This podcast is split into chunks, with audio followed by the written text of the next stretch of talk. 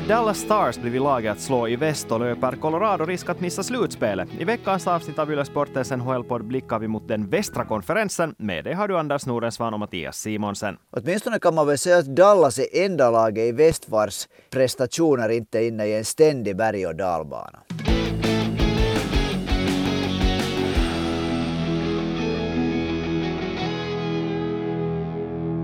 Ja, vi insåg här att vi har fokuserat ganska mycket på den östra konferensen i våra poddavsnitt den här säsongen. Och då tänkte vi att det ju nu är hög tid att blicka också västerut. Inte minst för att vi har fått sett ett topplag spela på Yles kanaler, men också för att Dallas Stars med många finländska spelare har varit så bra den här hösten. Eller no, säsongen hittills. Nu är det ju inte höst längre kan man väl slå fast. Men det där, två lag då som du kanske anar Anders, vilka det är som jag vill prata om här. Så det är ju då Vegas Golden Knights och Dallas Stars. De som leder Pacific och Central Division just nu. Och sett till till poängmängden är Vegas etta i hela västra konferensen, men sett till poängsnitt är Dallas bäst. De har spelat färre matcher och bara två poäng efter. Så håller du med för det första? Det här är de två bästa lagen i den västra konferensen just nu. När du säger att vi har talat mycket om östra konferensen, så om jag lite karikerar så är det här de enda lagen i västra konferensen som det riktigt lönar sig att snacka om genom liksom positiv, ett positivt perspektiv. Jo, det är ju alltid så inför säsongen att varje lag har frågetecken kring sig och det känns ju som att alla de här frågetecknen som fanns kring de här stora förhandsfavoriterna, så de har lite besannats på vissa sätt, förutom då kanske Vegas Golden Knights och Dallas Stars. För om vi tittar på utgångsläget för de båda, så Vegas hörde ju nog till favoriterna i Pacific, oavsett att säsongen 2021-2022 var ganska dålig för dem, eller riktigt dålig för dem, så var de fortfarande på pappret kanske till och med det starkaste laget i hela divisionen.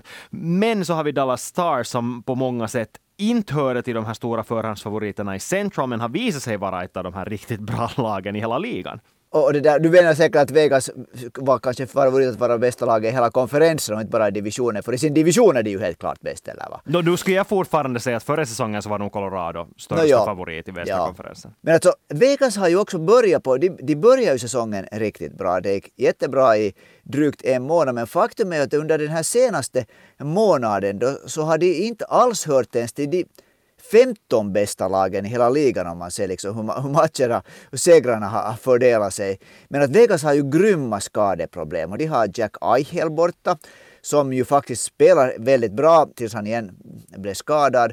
Och så har de hälften av sin ordinarie backtrupp borta. Så inte kan det ju vara utan att påverka en sån här lag. Inte. Plus, alltså nu nämnde du dessutom inte ens, som jag skulle lyfta fram, det största problemet i, i skaderummet just nu. Det är det att Robin Lehner inte kommer att spela en sekund den här säsongen. Det är ett jätte, en jättestor utmaning, ska vi säga. Det är inte nödvändigtvis ett problem i och med att de har Logan Thompson som har spelat på en tillräckligt bra nivå, men Aiden Hill som andra målvakt är kanske inte riktigt på en sån nivå att han kan ta över om Thompson visar sig vara svajig sen när vi går in mot våren, mot de här matcherna som på riktigt börjar väga tungt. Så de har en massa frågetecken, men har kunnat på sitt sätt räta ut dem, men nu kommer vi inte ännu heller, ens den här gången när vi talar om förbi det faktum att Pacific Division är ganska dålig. Det har vi nämnt tidigare i den här podden, men där finns bara så otroligt många jättesvaga lag att det är inte så svårt att vara etta där och det är ganska många lätta poäng som finns till buds varje kväll. Så ja, Vegas Golden Knights fortsättningsvis frågetecken på många sätt och vis. Men med det sagt, trots de här skadeproblemen så har de lyckats vinna matcher också. I den här matchen som sändes på Yles kanaler, som du refererar, slog de Nashville Predators. I natt när vi bandade här slog de Colorado Avalanche. Ja, såklart, de har också problem med skador. Men ändå, att de har lyckats ta de här segrarna ändå de här senaste tiden tyder på att det finns en sån där vilja att vinna på samma sätt som det inte alls syntes i fjol, tycker jag. Så eh, lyckas ju Vegas ganska ofta också spela bra mot lag från östra divisionen, att, att, från östra konferensen. Att Vegas är ett kvalitetslag. Det, det, det, är liksom helt klart. Och det som jag tycker att leder till, till optimism är att uh, Bruce Cassidy som kom från Boston dit som coach har hämtat in uh, sitt spelsystem som brukar vara ganska kontrollerat så att säga. Och, och, det där. och det syns ju nog nu också för att de har en ordentligt plus 21 i målprotokollet för tillfället. De gör en massa mål. Okej, de har släppt nog kanske lite för mycket mål, men det tycker jag eh, delvis såklart då problemen Robin Lehner, du sa som att Logan Thompson gjort bra ifrån sig, det har han gjort. Men, men det där, det tycker jag nog att den här just, kan inte understryka det nog att när hälften av den ordinarie backtruppen, som när den är alla är på plats så är den en bra back backtrupp är borta. Så till exempel i matchen mot Nashville så, så var nog det här tredje backparet till exempel så nästan så jag skulle vilja säga att det höll inte NHL-nivå.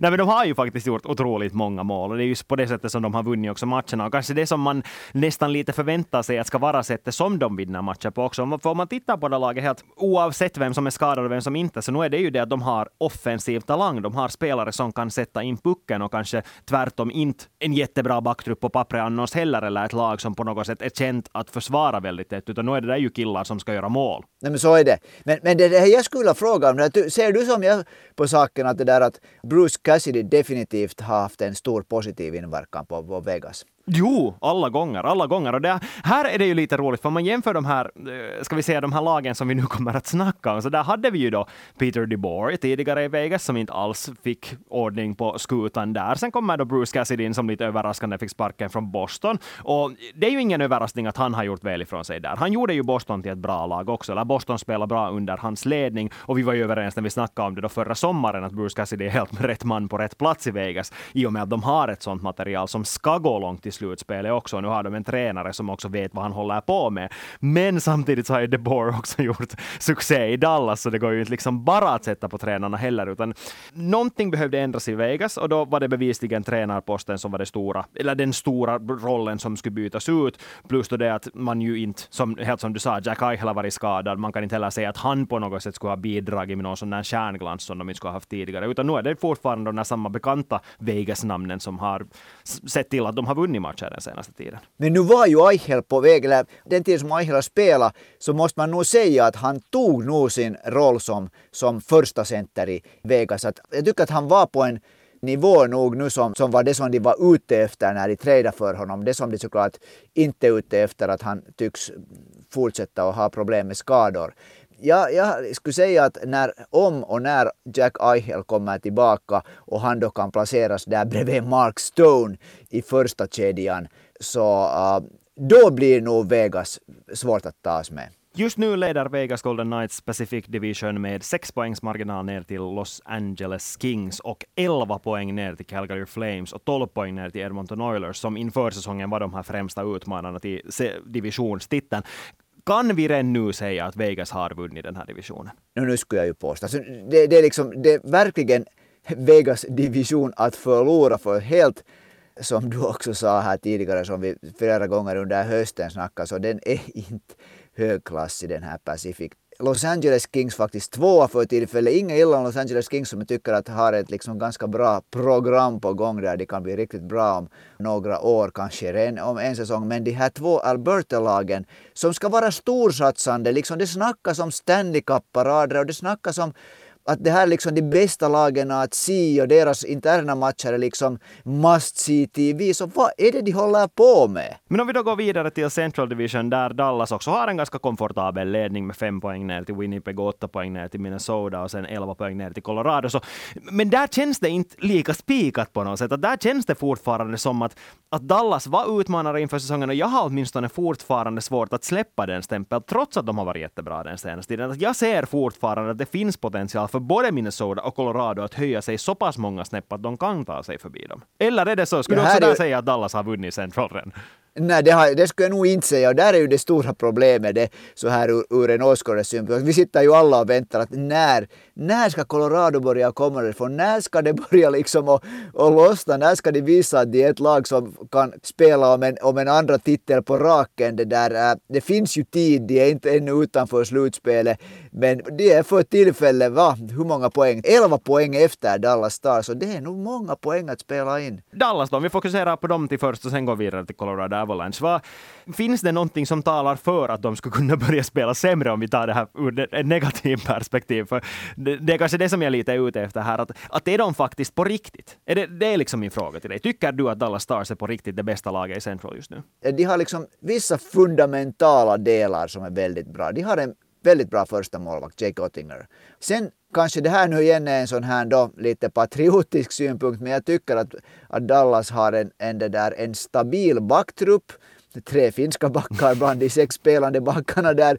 Och i den backtruppen så det där kan man väl säga att Miro Heiskanen håller mycket hög NHL-nivå som liksom den här ledande backen. Så backtruppen tycker jag att fungerar bra. De har spelat länge tillsammans redan där fick liksom de det är på något sätt ett kontrollerat system. Och sen har de en av ligans absolut bästa första kedjor. De har en av ligans absolut hetaste första kedjor skulle jag säga. Inte, mm. jag, jag vill... det, det, där, det där var bra, det där var en bra, ja, ett bra tillägg. Ja, och det, det är liksom det där som jag har lite, för jag vill inte riktigt gå så långt att jag skulle säga att de ännu har etablerat sig som en av de absolut bästa, för att de har varit otroligt bra så här långt under säsongen, men samtidigt så vet vi inte om de lyckas hålla det hela säsongen ut. Jag Roope Hintz är en spelare som pangar in massvis poäng och det finns ingenting som talar emot att han inte skulle kunna fortsätta med en poäng per match. Och samma för Jason Robertson. Jag tror faktiskt att man efter den här säsongen kan säga att Dallas första kedja är en av de absolut bästa i hela ligan. Men det stora bidragande orsaken till att Dallas har spelat så bra som lag är ju nog också det att Jamie Benn, Tyler Seguin, två spelare som vi har spottat på mycket i den här podden, de har ju nog spelat bra också. Nu kommer vi ifrån där Jamie Benn har 36 poäng på 38 matcher och Tyler Seguin 26 poäng på 38 matcher. Att inte det är ju superstjärnesiffror, men ändå tillräckligt bra för en andra kedja som ska vara Eh, en andra kedja i ett riktigt, riktigt bra lag. Tyler Seguin är ju ännu sådär liksom lite si och så om man tänker då att var det inte så att han är den spelaren i NHL som förtjänar mest just den här säsongen. Men Jamie Benn är ju nog på nytt för han är bra. Det, det, det, måste man säga att jag hade nog räknat ut Jamie Benn från, från elitspelarna redan i NHL. Att han, han har liksom under sommaren nog funderat helt tydligt på att vad det är han sysslar med och kanske också insett att hej att, att här finns en trupp omkring mig som det där. Om jag liksom höjer mig själv och tar rollen som kapten så finns här ingredienser till att det där kanske, ja vem vet, nå en andra Stanley Cup-final på några år. Ja, och så kommer vi inte heller ifrån det att det säkert är mindre press på honom också. Eller han upplever kanske mindre press i och med att just Robertson, Hintz och Pavelski spelar så otroligt bra i första kedjan. Att han för kanske första gången i sin karriär inte har det där största ansvaret på sig själv i sitt lag att stå för den där största poängskördarna i hela anfallstruppen. Nej, och sen vissa fall, bitar som liksom faller på plats som är hemskt svåra att veta hur det går. Liksom. Att nu på ett sätt har, har det råkat sig så, det har man inte kunnat veta, att Jason Robertson Andersson ser ut att utvecklas helt till liksom jag menar topp 10 målskyttarna i hela ligan, topp 5 målskyttar. Han liksom på väg att bli en superstjärna för att ta ett, ett uttryck som kanske är lite överanvänt. Men det där ändå, han går jättebra. Och Rope Hintz går från klarhet till klarhet. Han var väldigt bra förra säsongen. Han är ännu helt tydligt ännu bättre den här säsongen. Och sen är det den här underliga gubben som aldrig tycks bli äldre, Joe Pavelski, som där runt målet, framför målet så Ja, där vågar jag väl säga, säga om du har annan åsikt, att han är åtminstone bland de fem bästa på att styra in puckar, om inte bland de tre bästa, om inte bäst i hela NHL. Ja, nu är det ju, alltså jag håller med dig. Inte kanske att han ska vara absolut bäst, men nog topp fem. Och, och sen är det väl nog så att nu när det är helt tydligt att, att Miro Heiskanen är den backen som också ska leda liksom spelet offensivt, så spelare som Miro Heiskanen njuter säkert av att, att få den här liksom rollen, att han är liksom ledarhunden här. Och, och, eh, speciellt i det offensiva spelet tycker jag att man ser en sån här självsäkerhet i Miro. Självsäker på ett sätt, eller trygg i sig själv har han nu alltid varit. Men, men mognare, det där större, starkare och på, på tal om det så jag är åtminstone väldigt trött på att höra det här att Miro Heiskanen inte är fysiskt speciellt stor. Se någon på honom på isen, han är minsann ingen liten kille.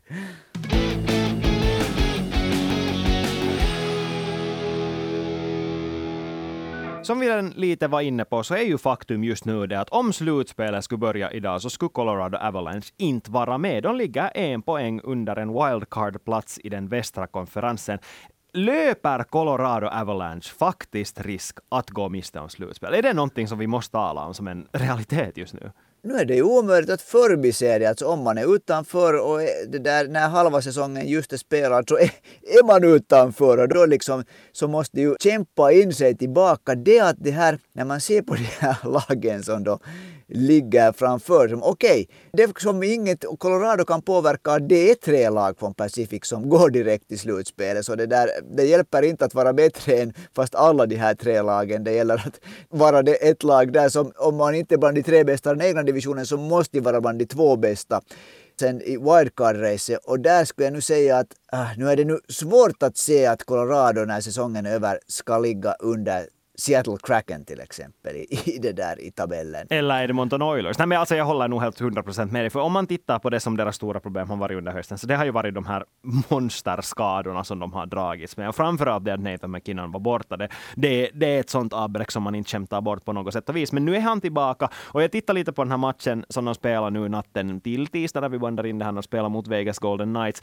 McKinnon gjorde mål efter 25 sekunder. Snyggt frampassad av Mikko Rantanen. Arturi Lehkonen kom ett missat skott från att sätta in 2-0 i powerplay kort därefter och sen pricka Mikko Rantanen ur stolpen. Att I och med att de har den här första kedjan som de har så tror jag fortfarande att de kommer att greja det. Det att de förlorar mot Vegas Golden Knights var mer det att de inte riktigt hade marginalerna på sin sida. För de hade alltså, de kunde alltså ha lett med 3-0 efter den första perioden om de skulle ha haft millimetrarna på sin sida. Så nära var det faktiskt.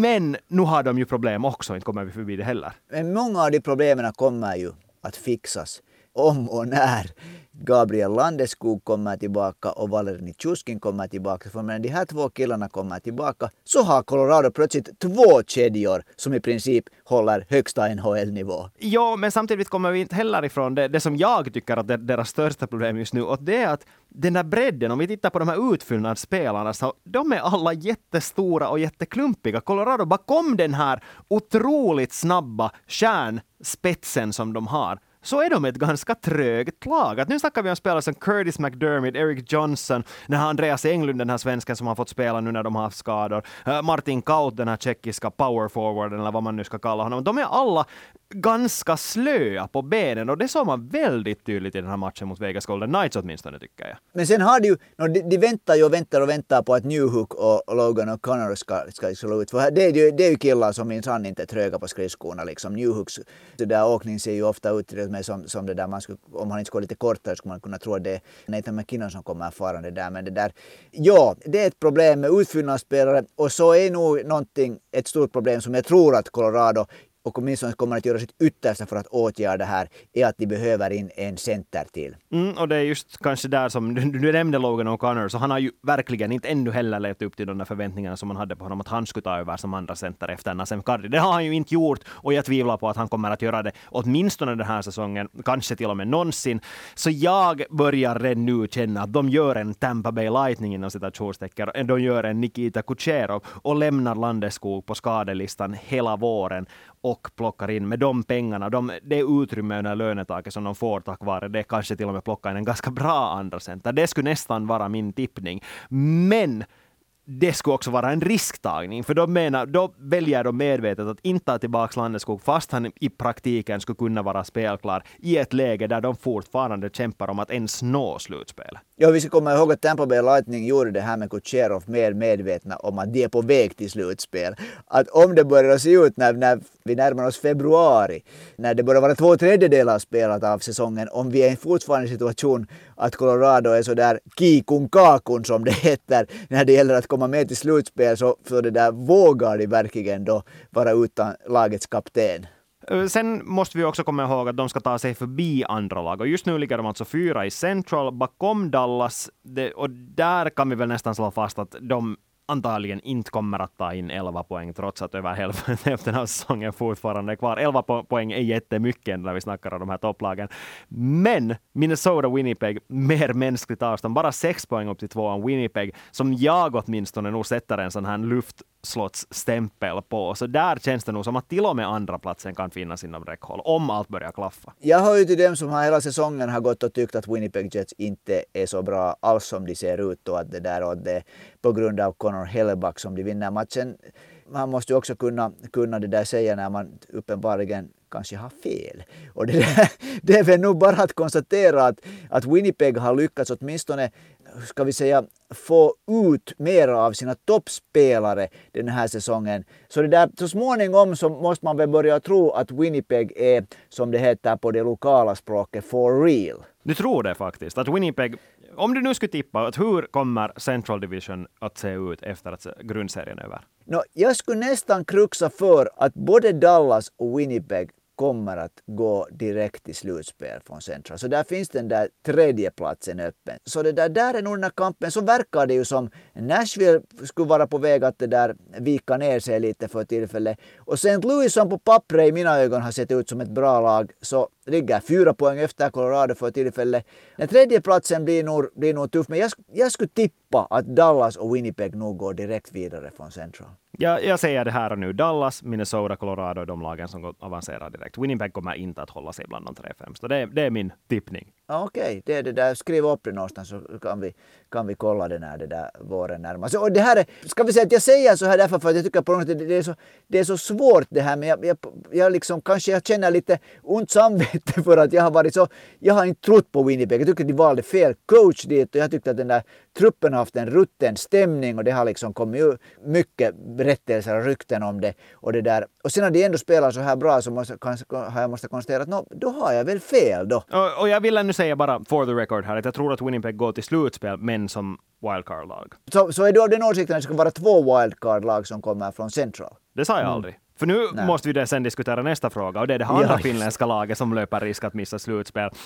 Mycket allvarligare risk att missa slutspel än Colorado Avalanche. Det är ju Nashville Predators. För jag tror inte att det finns någon chans i världen att de eller St. Louis Blues kniper den andra wildcarden. Åtminstone inte Nashville. Nej, det här räcker nog inte. Det här Nashville-laget räcker nog inte nu till.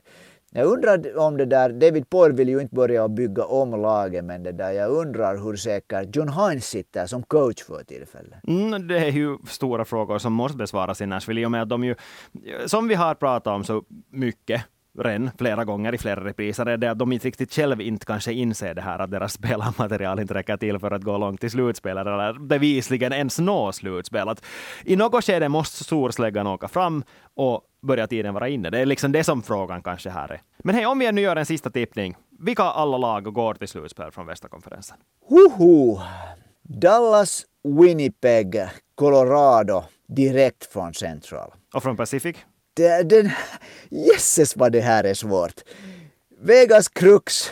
No, Okej, okay, jag går nu med det här. Jag tycker att det kan inte vara så att Edmonton och Calgary blir utanför. Det kan inte vara så liksom. Det, det strider bara mot, mot vad som ska vara verkligt med de där satsningarna som de har gjort. Så jag säger nu då Vegas, Calgary och Edmonton direkt från det där från Pacific och sen då de här två wildcard-platserna. Uh, uh. Los Angeles och uh, Minnesota. Okej. Okay.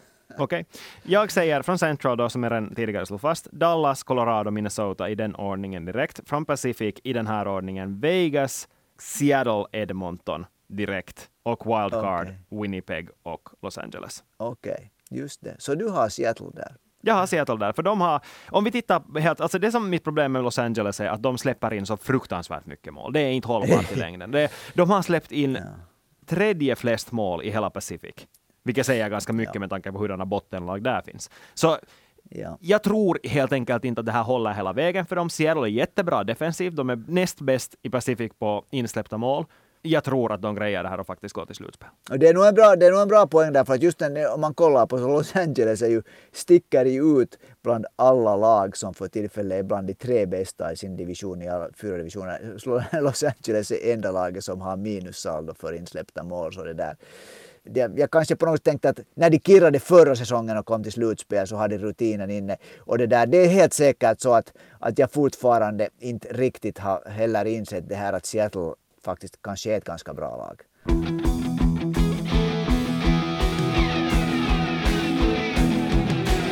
Vi har fått in några frågor också och jag ska gärna passa på att påminna om du har en fråga så är det bara att skicka in den på Ylesportens Instagram eller på mejl till svenskasporten.yle.fi. Vi börjar med Noas fråga. Kommer Chicago Blackhawks att få Connor Bedard? Connor Bedard, kanadensiska supertalangen som gör slarvsylta av allt motstånd i junior-VM just nu, leder poängligan där med absurd mängd. 10 poäng tror jag att han leder poängligan med.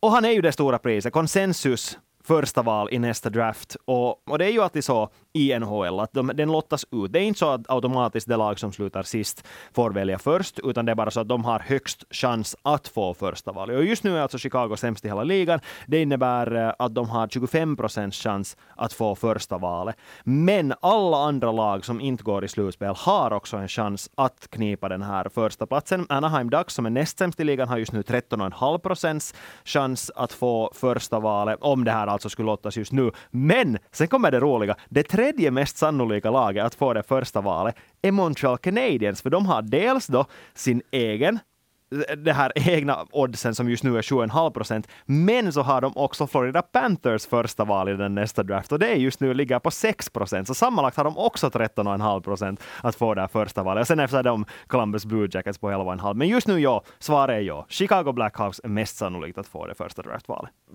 Gå in på den här frågan. Om jag nu skulle vara beslutsfattare i Chicago så det där, skulle jag satsa allting på en 25 procents sannolikhet. Och det är ju det vad de har gjort att, också, inte går det sen. De har sålt allt det, som går att sälja. som är absurt för mig, den här otroliga snacket om att satsa allt på att, att få det där första valet. För det där, som vi nu till exempel har sett med, med det där med äh, Alexis Lafreniere så behöver det inte vara så att det där första valet är vägen till lycka. Okej, okay, Conor Bedard är antagligen... Jag skulle just helt... säga det, man, med Alexis Men... Lafreniere, man drog inte några paralleller nej, mellan nej, honom och Sidney nej, Crosby och, och, Nathan McKinnon och Conor McDavid. Det är, det samt, det är det, den kvartetten som man placerar in Men Conor 25 procent, 75 procents möjlighet att det inte lyckas. Det är liksom det är ju rysk roulette. Det är liksom, det. Det, det är det. Sätta ögonen fast och, och sätta, sätta Wheel of Fortune och rulla och hoppa att voi, voi, voi, bara allt skulle stämma och sen är världen uppe. Nu måste ju finnas någon annan strategi bakom ett lag än att hoppas att vi får det första draftvalet. Ja, men samtidigt om du inser, alltså jag förstår det ur ska vi säga klubbledningens perspektiv. Du tittar på spelarmaterialet du har och inser att shit, att vi, vi kommer nog inte att kunna bygga någonting mer på det här. Att ja, här finns Jonathan Taves och här finns Patrick Kane. Men samtidigt så inser vi att det är värt risktagningen att eventuellt kunna få Connor Bedard i och med att han utses vara en sån game changer, en sån här franchise dynasty-spelare som man kan drafta in. Så nu förstår jag lockelsen i det, men samtidigt har de ju nog verkligen tagit fram storsläggan. Och jag tror nu att varken Jonathan Daves eller Patrick Kane kommer att vara kvar där efter att transferfönstret stängs. Nej, för att lite ännu koppla till det här vad vi talade tidigare, så min tippning är att Jonathan Daves som faktiskt för tillfället är på väg kanske mot sin poängstarkaste säsong någonsin kommer att landa dit i det där laget som vi talar om för en stund, Colorado. Men det får vi se. Men liksom Chicago, ja, nu är det ju att spela för att bli sist. Det är liksom... Nej, men, man, men, nu, nu ska vi ännu säga det här att det är aldrig spelarna och tränaren som tankar som det där använder det. som man använder, utan det är alltid klubbledningen som gör det. Spelarna och men tränaren försöker det, alltid vinna. Men förgiftar det liksom omgivningen? Hur, hur, hur länge tar det att bygga upp på nytt en sån organisation? Är det bara så att man plötsligt liksom sen kan säga att okej, okay, nu är allt bra igen? No, det har funkat för vissa lag. Det har funkat för till exempel Pittsburgh Penguins. Det har inte funkat alls för Edmonton Oilers. Men det, och Chicago Blackhawks ska vi säga att är ett bevis på att det faktiskt går i och med att efter att de tog Taves, okej, okay, så tog det ju fart. Så de, de vet ju att det finns, finns den där historien i klubben själv. Så då kanske den där tröskeln att göra det på nytt är ännu lägre i och med att man vet att Connor Bedard är på en helt annan nivå än vad till exempel Taves eller Kane var i samma ålder. Får jag förresten säga lite, ganska intressant för jag kommer bra ihåg den här tiden då i början av, av 2000-talet 90-talet, då var Chicago liksom den sämsta organisationen. Det var liksom just, just lika rusigt som det är för tillfället och det hade varit det i flera år. Sen här emellan ryms en sån här guldperiod och nu är det igen där att det där Chicago är en underlig organisation. Det är egentligen ganska få organisationer som har gått så här liksom från botten upp och sen igen ner till botten på en så ändå ganska kort tid. Nästa fråga kommer från Rickard. Han tror att 150 poäng inte alls är orimligt att förvänta sig av Connor McDavid den här säsongen. Han slår fast eller tippar att det kommer att bli 60 mål och 90 assist. Vad tror du Anders? Jo, utom att jag tror att, han, jag tror att Conor McDavid kommer att göra mer än 60 mål. Ja, det där. Så vet du att när jag kollar på det här, okay, han har för tillfället 32 mål på 38 matcher. Och nu kommer diskussionen att börja inom en vecka kan han nå 50 på 50. Det är liksom, han ligger efter där ännu, men det behövs bara ett par hattrick så är han plötsligt i fart. Och garanterat kommer det här att bli liksom någonting som kommer att lyftas. Att kommer Conor McDavid att kunna göra det här, att göra 50 mål på 50 matcher.